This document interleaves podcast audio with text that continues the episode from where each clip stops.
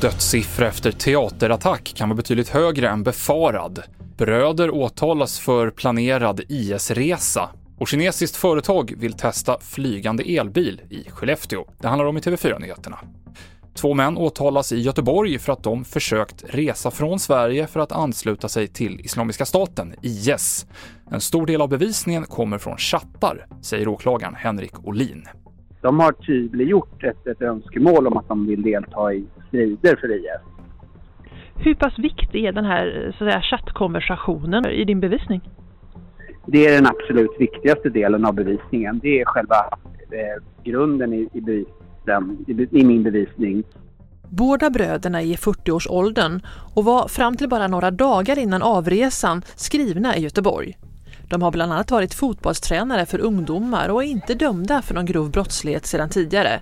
Och de säger i förhör att de är oskyldiga. De har uttryckt att de har, har haft för avsikt att flytta utomlands till, till släkt. Och varför pratar de då om, om man har krigserfarenhet och sådär? Ja, det har vi frågat om. Det har vi inte fått några bra svar på. Det får vi se vad de säger under förhör i, i domstol. Om de här männen blir dömda, vad är för straff som gäller då?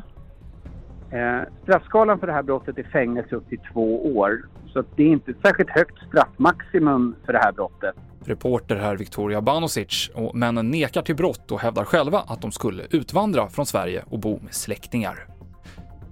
Mer än 600 personer dödades i flyganfallet mot teatern i Mariupol i Ukraina i mars enligt en utredning som nyhetsbyrån AP har gjort. Dödssiffran är i så fall nästan det dubbla mot vad som tidigare befarats.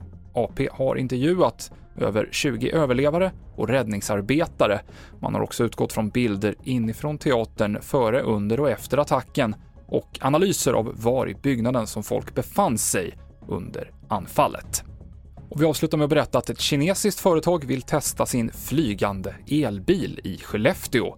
I Kina så har den här farkosten testats 15 000 gånger och nu hoppas företaget kunna köra tester i Skellefteå nästa år.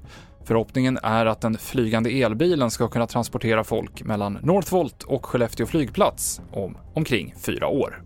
Fler nyheter finns på tv4.se. Jag heter Mikael Klintevall.